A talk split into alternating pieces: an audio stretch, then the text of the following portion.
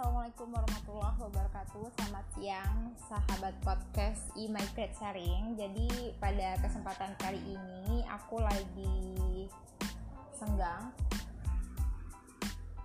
Dan ada niatan untuk membaca sebuah artikel di web.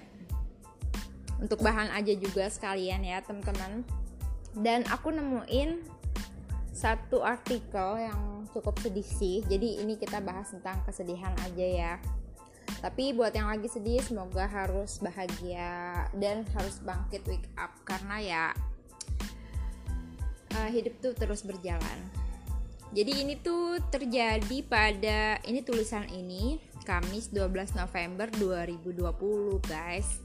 Viral kisah wanita diputusin pacar lewat surat dan tangkapannya lewat TikTok. TikTok tuh emang hits ya. Jadi apa-apa selain YouTube kita tahu juga ada yang lewat TikTok. Itu tadi judulnya ya, viral wanita diputusi pacar lewat surat saat jatuh sakit. Kisahnya bikin warganet sedih. Tapi sebelum aku bacain uh, artikel ini, aku pengen tahu nih ya menurut kalian apa sih masa-masa berharga ketika kita tuh cinta atau sayang sama orang kalau buat aku pribadi uh, di saat aku sayang banget sama orang aku tuh malah justru menunggu momen-momen ini gitu. Bukannya kita nunggu uh, orang yang kita cintai sakit ya. Maksudnya uh, justru rasa sakit uh, orang yang kita cintain fase-fase sakitnya itu adalah fase-fase berharga di mana kita harusnya bisa nemenin gitu loh. Dan kalau menurut aku pribadi aku sangat menyayangkan gitu. Kita bilang sayang tapi di saat orang yang kita sayang sakit kita nggak ada itu rasanya ancur banget kalau menurut aku. Nah jadi langsung aja ya kita baca ini. Dari indozone.id belum lama ini warganet di media sosial dibikin sedih dengan kisah percintaan yang dialami oleh seorang wanita bernama Liza Tamara. Betapa tidak, wanita asal Lampung ini diputuskan oleh sang pacar melalui surat saat dirinya jatuh sakit.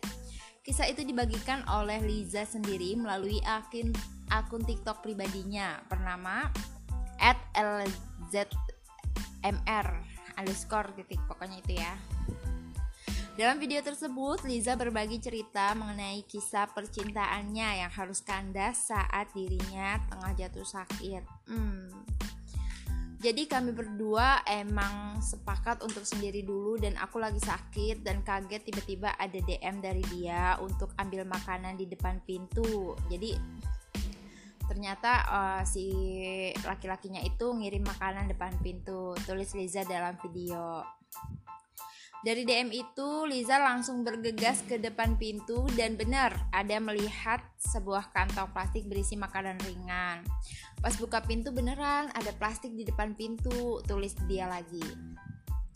Setelah melihatnya, Liza pun memutuskan untuk membuka kantong plastik tersebut. Di dalam kantong plastik terdapat beberapa makanan ringan dan sebuah surat. Jadi mungkin hari ini, esok atau nanti. Riza, ini makanan buat kamu. Maaf, aku nggak bisa nemenin kamu lagi. Jaga kesehatan ya, berubah, jangan nakal dan kasar. Makasih untuk di hari anniversary, kamu udah buat aku kecewa. Demikian tulis sang pacar dalam surat yang dikirimkannya. Oh, jadi si pacarnya ini kayak ngerasa dikecewain gitu ya. Terus aku harap semoga kamu bisa lupain semua tentang kita. Tutup sang pacar di akhir surat kalau misalnya ngelupain ngelupain itu bukan perkara yang gampang ya teman-teman. Kalau aku pribadi tuh kayaknya butuh waktu butuh tapi jangan maksa untuk ngelupain sih. Ada baiknya kita menerima ya udah gitu. Jadi semakin kita ngelupain kalau aku pribadi semakin ingat. Jadi ya udahlah gitu di. Berusaha untuk ikhlasin dan kita berdoa sama Allah biar ditemukan jalan baiknya. Kalau emang nggak ada jalan untuk bareng-bareng ya dikasih kebahagiaan masing-masing dengan cara kita masing-masing. Kisah tersebut sontak mencuri perhatian warganet. Banyak warganet yang mengaku salah fokus dengan kata-kata yang ada di dalam surat tersebut. Salfok sama kata-kata makasih di hari anniversary udah bikin kecewa. Iya juga sih ya. Komen seorang warganet.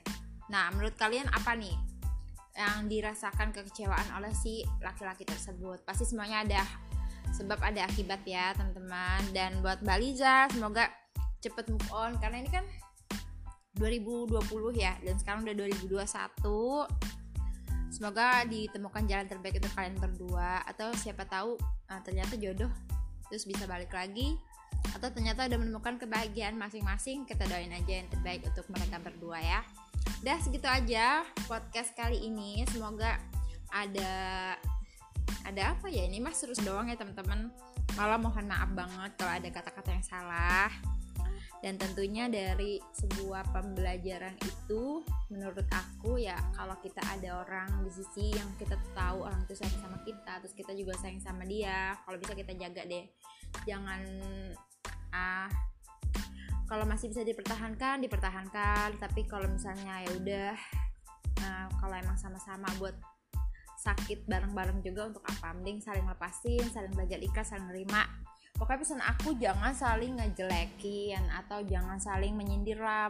Uh, tunjukin sikap kedewasaan kamu bahwa setelah kamu sama dia atau bahkan kamu gak sama dia kamu tetap hidup baik-baik aja dan tetap bersilaturahmi dengan baik. Nah itu juga nasihat untuk aku pribadi. Oke makasih teman-teman. Sehat-sehat bahagia-bahagia dan selamat beraktivitas. Assalamualaikum